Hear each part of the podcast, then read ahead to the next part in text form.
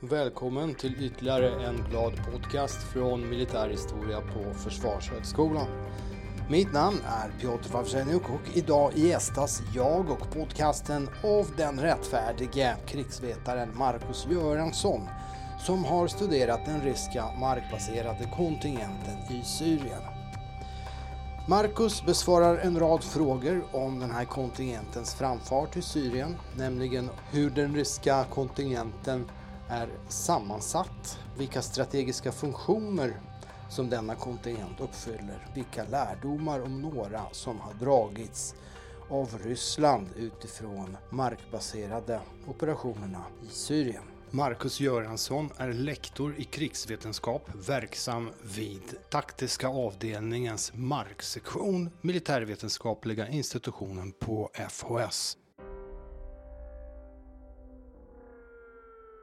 Varför ska vi studera just markbaserade ryska kontingenten i Syrien? Och eh, vilka källor finns att tillgå för den som vill studera det här fenomenet?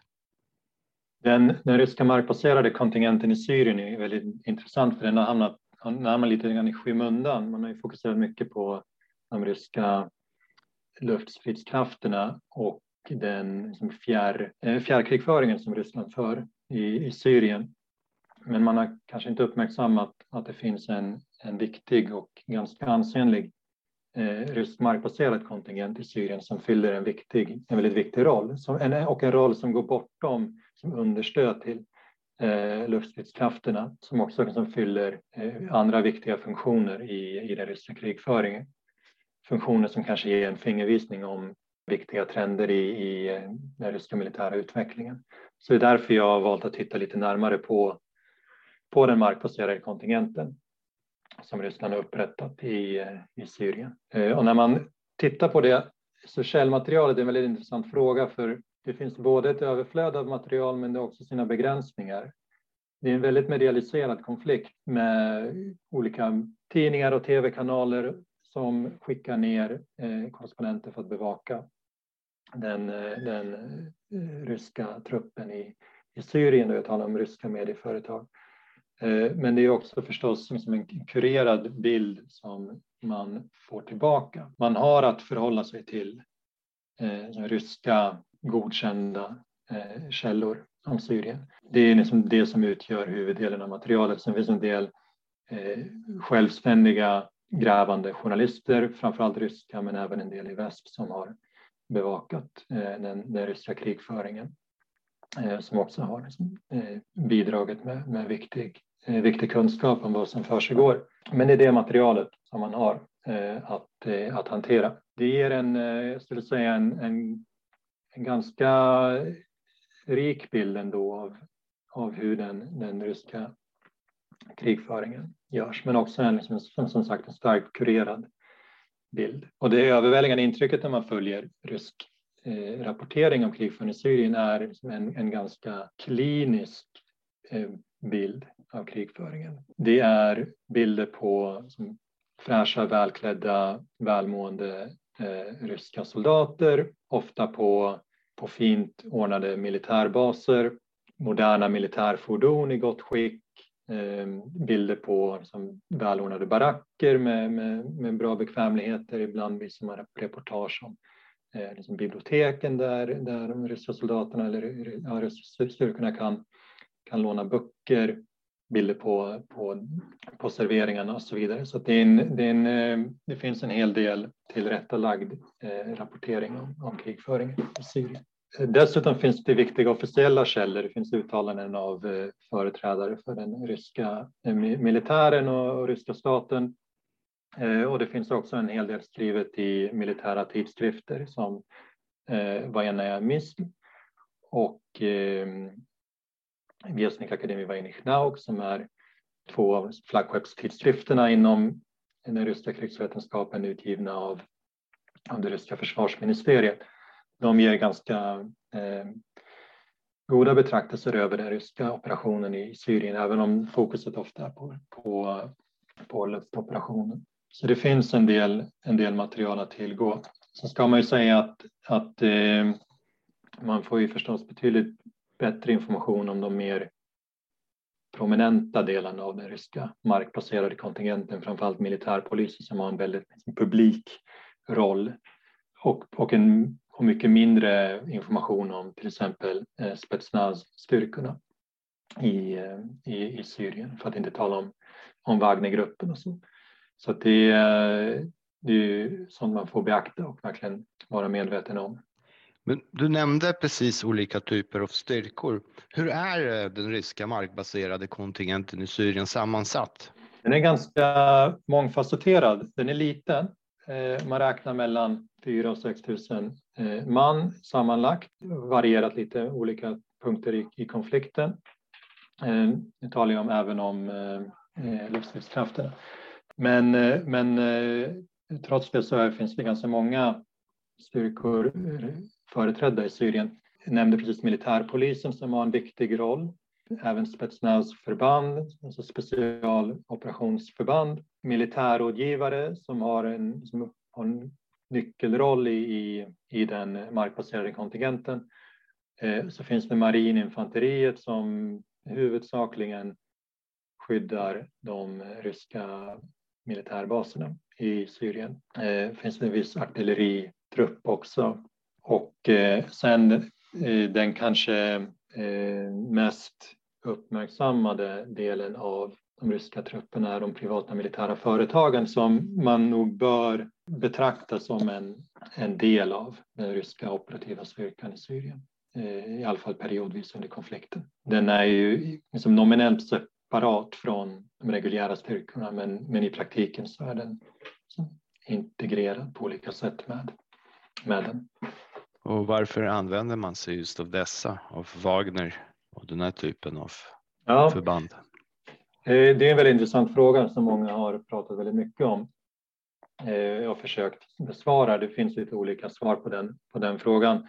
Jag kan säga att det här, det här är ju en, en stor styrka förhållandevis i förhållande till den övriga delen av markbaserade kontingenten. Man har uppskattat den till att uppgå till kanske 2000 man när den var som störst. Eh, nu har den trappats ned ordentligt Eh, men vid, vid, den, vid den tid så uppgick den till 2000, 2000 man. Eh, så det är en, en stor del av, det, av kontingenten. Den har ju vissa fördelar. Den är ju förnekbar, eller har varit förnekbar i alla fall, så att den ryska staten har kunnat få sina händer för den här stora militära styrkan. Som man säger, det är, de här är inte reguljära trupper, vi tar inte ansvar för deras aktioner de kan röra sig lite mer fritt och eh, man kan använda dem utan, utan samma risk för eskalation. Eh, sen ska det sägas att Wagnergruppen, det är ingen, det är ingen vanlig, det är, inget, det är ingen privat militärföretag i, i, i västerländsk bemärkelse. Eh, när man tittar på västerländska privata militärföretag så har de ofta liksom logistiska eh, stödjande funktioner på olika sätt. Och Eh, de är oftast inte en stridande styrka.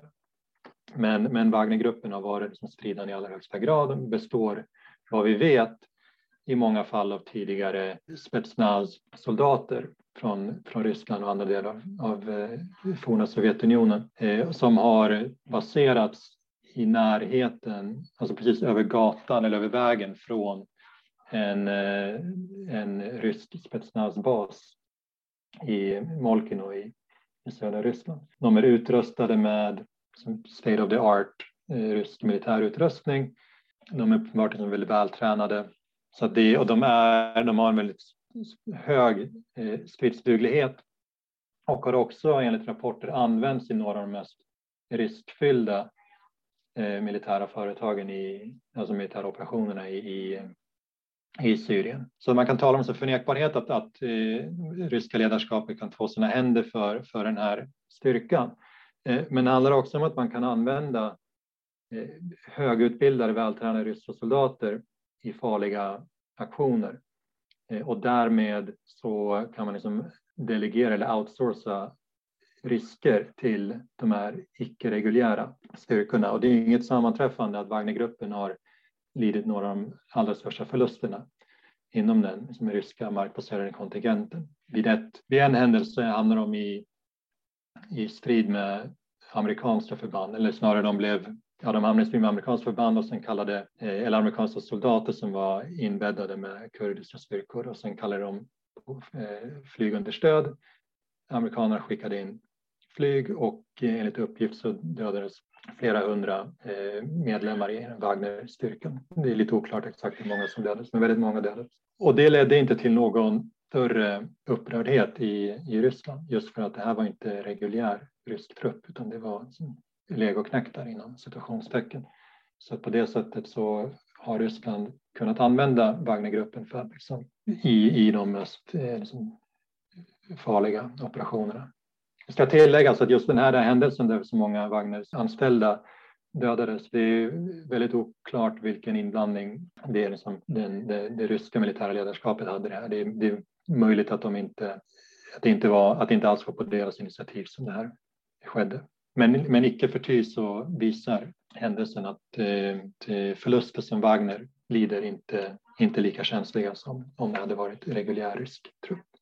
Så det är liksom andra funktioner, att man kan liksom outsourca risk till den här gruppen. Det finns en tredje viktig funktion som eh, forskaren Kimberly Martin har nämnt eller föreslagit eh, och det är att just Wagnergruppen, alltså den är ju inte den är ju illegal. Alltså de privata militära företag tillåts inte enligt rysk lag. Så att den här opererar liksom i ett ja, olaglighet.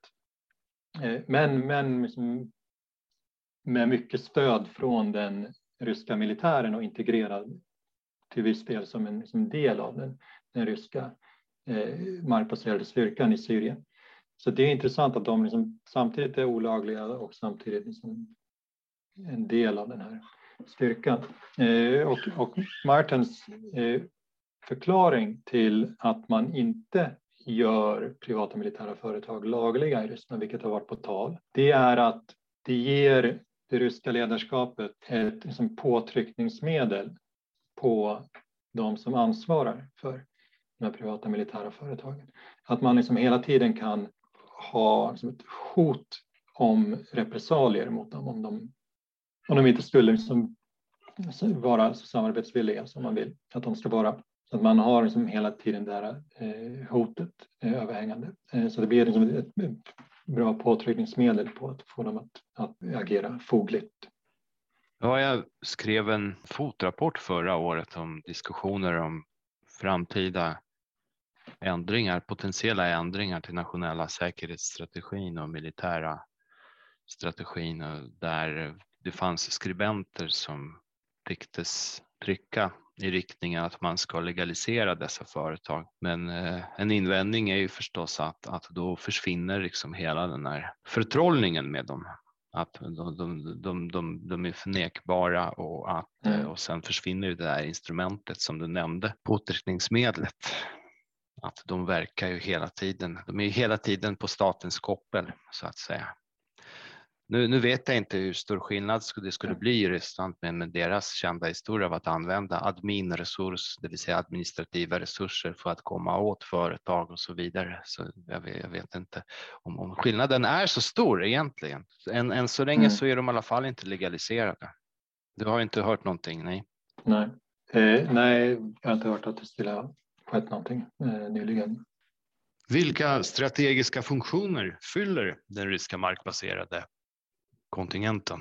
Den markbaserade styrkorna har varit på plats i Syrien sedan eh, den första början av den ryska interventionen eh, i eh, slutet av september 2015 och kanske till och med tidigare. Det finns rapporter om liksom ryska specialoperationsförband i Syrien redan innan den här interventionen i mindre skala. Då. Men de har varit på plats under hela tiden trots att det ryska ledarskapet har förnekat att att eh, Ryssland skulle vara inblandat i någon slags markkrigföring i Syrien. Eh, utan, eh, man har sagt att de, har, de som har funnits där har liksom bara varit där för att ja, säkra baser och eh, logistiken och så. Eh, det stämmer inte riktigt utan den, den, som den ryska luftoperationen har varit beroende av stöd från mark Eh, baserade förband, inte minst eh, spetsnaz-styrkorna som har tillhandahållit underrättelser, har identifierat eh, mål och eh, eh, har liksom också återrapporterat efter eh, luftattacker. Så de har funnits där. Jag talar i, i, i, i min forskning så har jag hittat sex eh, funktioner som de, den markbaserade kontingenten uppfyller i Syrien. Det ena är då liksom det mest uppenbara att man, har, man säkrar baser eh, och, eh, och försörjningsmedel från Ryssland. Eh, och man eh, erbjuder viss liksom, luftunderstöd genom ja, målrapportering och eh, identifiering av, av, eh, av mål och så. Men, men utöver det så har man liksom fyra andra viktiga funktioner också. Ett är att man eh, eh, hjälper de allierade styrkorna, alltså de, de syriska regimstyrkorna men också iranska milisgrupper och andra lokala syriska milisgrupper som man samarbetar med i Syrien. Att man liksom hjälper dem att utveckla sin krigföringsförmåga. Man har ett, ett stort antal militärrådgivare placerade i Syrien eh, i olika eh, förband och eh, utbildar och samordnar, inte minst inom artilleriet. Så alltså, ryska militären är väldigt eh, duktig på att använda artilleri och de har lagt mycket fokus på att utbilda syriska artilleristyrkor, till exempel som förflyttningar på slagfältet, att eh Eh, vilseledning och, eh, och så vidare. Eh, och, och utbildning i användande av Eh, ryska vapen som man har exporterat till Syrien. Så det, det är också en viktig del av, den, av vad markstyrkorna, markbaserade styrkorna gör i Syrien. Sen en annan liksom viktig funktion också just samordningen av de här allierade eh, styrkorna i Syrien. Eh, det som är så utmärkande för, det före Syriens inbördeskriget är att det finns en myriad av olika styrande grupper på alla sidor eh, det är ingalunda så att det finns ett, ett begränsat antal fronter utan det är väldigt många grupper som strider i Syrien. Både på, liksom, på regimsidan och eh, så kallade oppositionen. Då. Eh, på regimsidan så har man ju dels de som reguljära syriska förbanden, som också de är liksom ganska splittrade. Det finns väldigt odugliga förband som så väldigt stridsdugliga förband. Eh, och så finns det iranska eh, auxiliära styrkor. Hezbollah från Libanon har haft en viktig roll i, eh, på den, på den liksom pro-regimsidan. Så finns det olika lokala styrelsemilisgrupper. Och vad, vad Ryssland har kunnat göra är att man har liksom dels utbild, utbildat de här förbanden, men man har också liksom samordnat deras aktioner. Man har, man har tagit och man har erkänd som ledaren för, för den liksom pro-regim sidan i Syrien. Eh, och med den auktoritet som man har så har man kunnat bidra till att de här förbanden agerar mer samordnat. Och där har man också tagit användning av sitt nätverk av militärrådgivare som då är placerade på väldigt många olika nivåer och i, inom väldigt många olika förband. Eh, och också av nya lednings och sambandssystem eh, som man har för att kunna kommunicera snabbt och effektivt mellan de här rådgivarna och kunna samordna. Där har Ryssland kunnat bidra tack vare dels som den nya tekniken på ena handen och, och eh, dels det nätverket av militärrådgivare. På den andra sidan till att, eh, till att regimsidans styrkor har blivit mer samordnade. Sen är det svårt att liksom pejla i vilken grad det har varit framgångsrikt men, men, eh, men enligt liksom olika källor så har det bidragit till att det här har förbättrats betydligt. Sen en, en annan, en sjätte då, eller en till liksom intressant funktion som de har haft. Eh, det är att kunna hantera det väldigt komplicerade militära och politiska landskapet Syrien. Det finns ju en rad, inte bara som interna aktörer, utan det finns ju också många utländska eh, regionala och stormakter som, som är närvarande i Syrien med sina intressen och och de och liksom sina eh, eh, aktörer som de, som de stödjer. Som Turkiet är en väldigt viktig aktör, Saudiarabien, eh, USA har, är som viktiga eh, aktörer i kriget.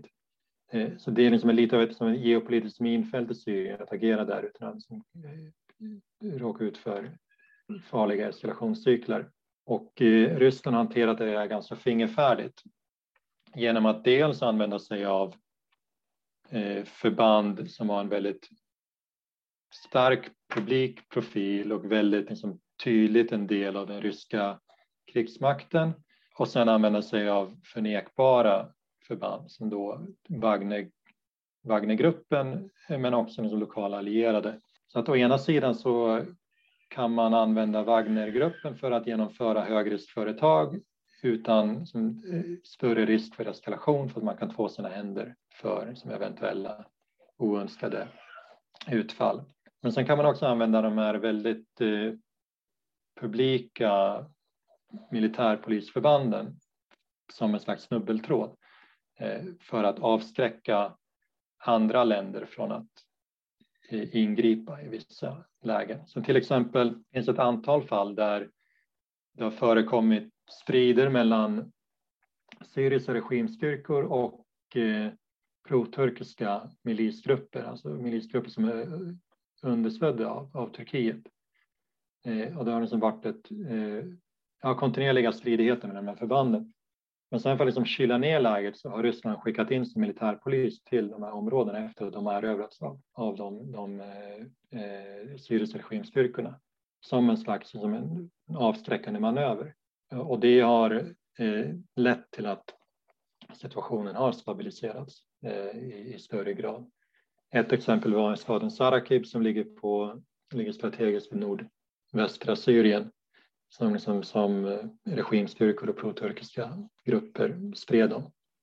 Eh, och de liksom bytte händer ett antal gånger och sen flyttade eh, Ryssland in sin militärpolis och, och kylde ner liksom, situationen. Det hände på andra delar, i andra delar av landet också. Och lite, eh, lite liknande effekt var efter eh, erövrandet av östra Aleppo i december 2016 så flyttade Ryssland in militärpolis till Aleppo.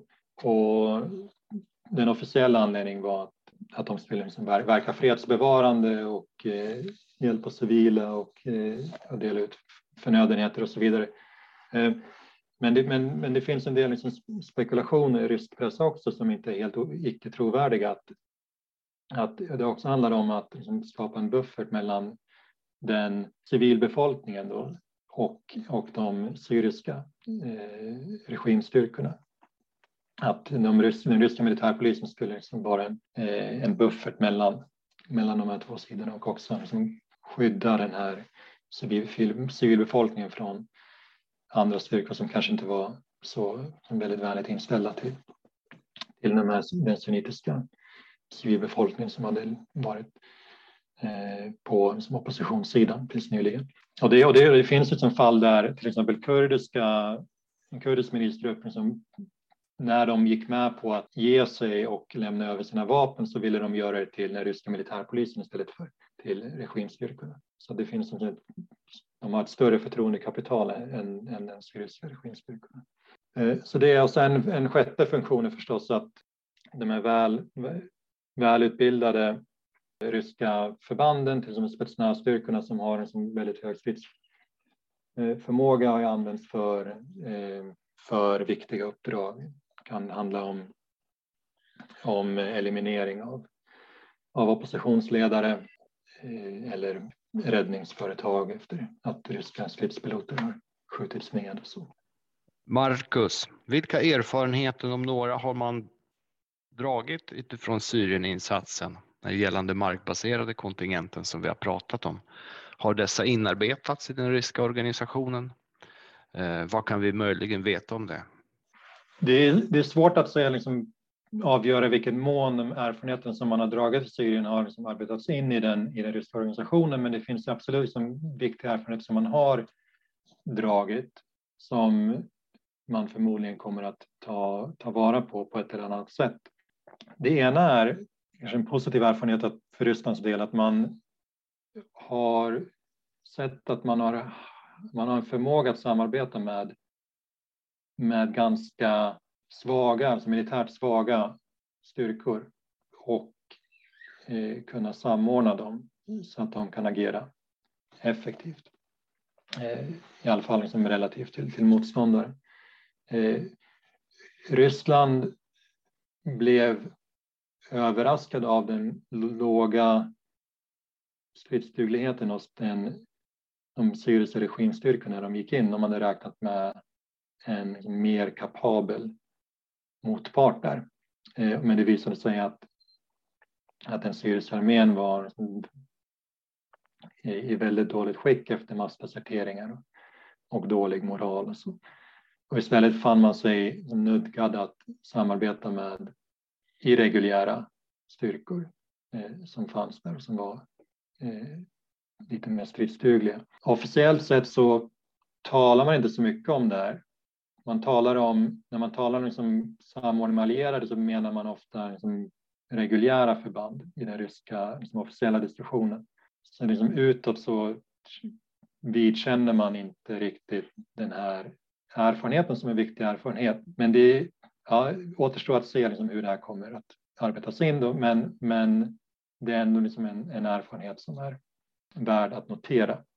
Det här är också ingenting nytt egentligen i rysk militärhistoria utan det finns många gånger där, där Ryssland och tidigare Sovjetunionen har samarbetat med, med lokala milisgrupper. Det gjorde man i under Georgienkriget, det gjorde man i Afghanistan väldigt framgångsrikt också eh, mot slutet av kriget.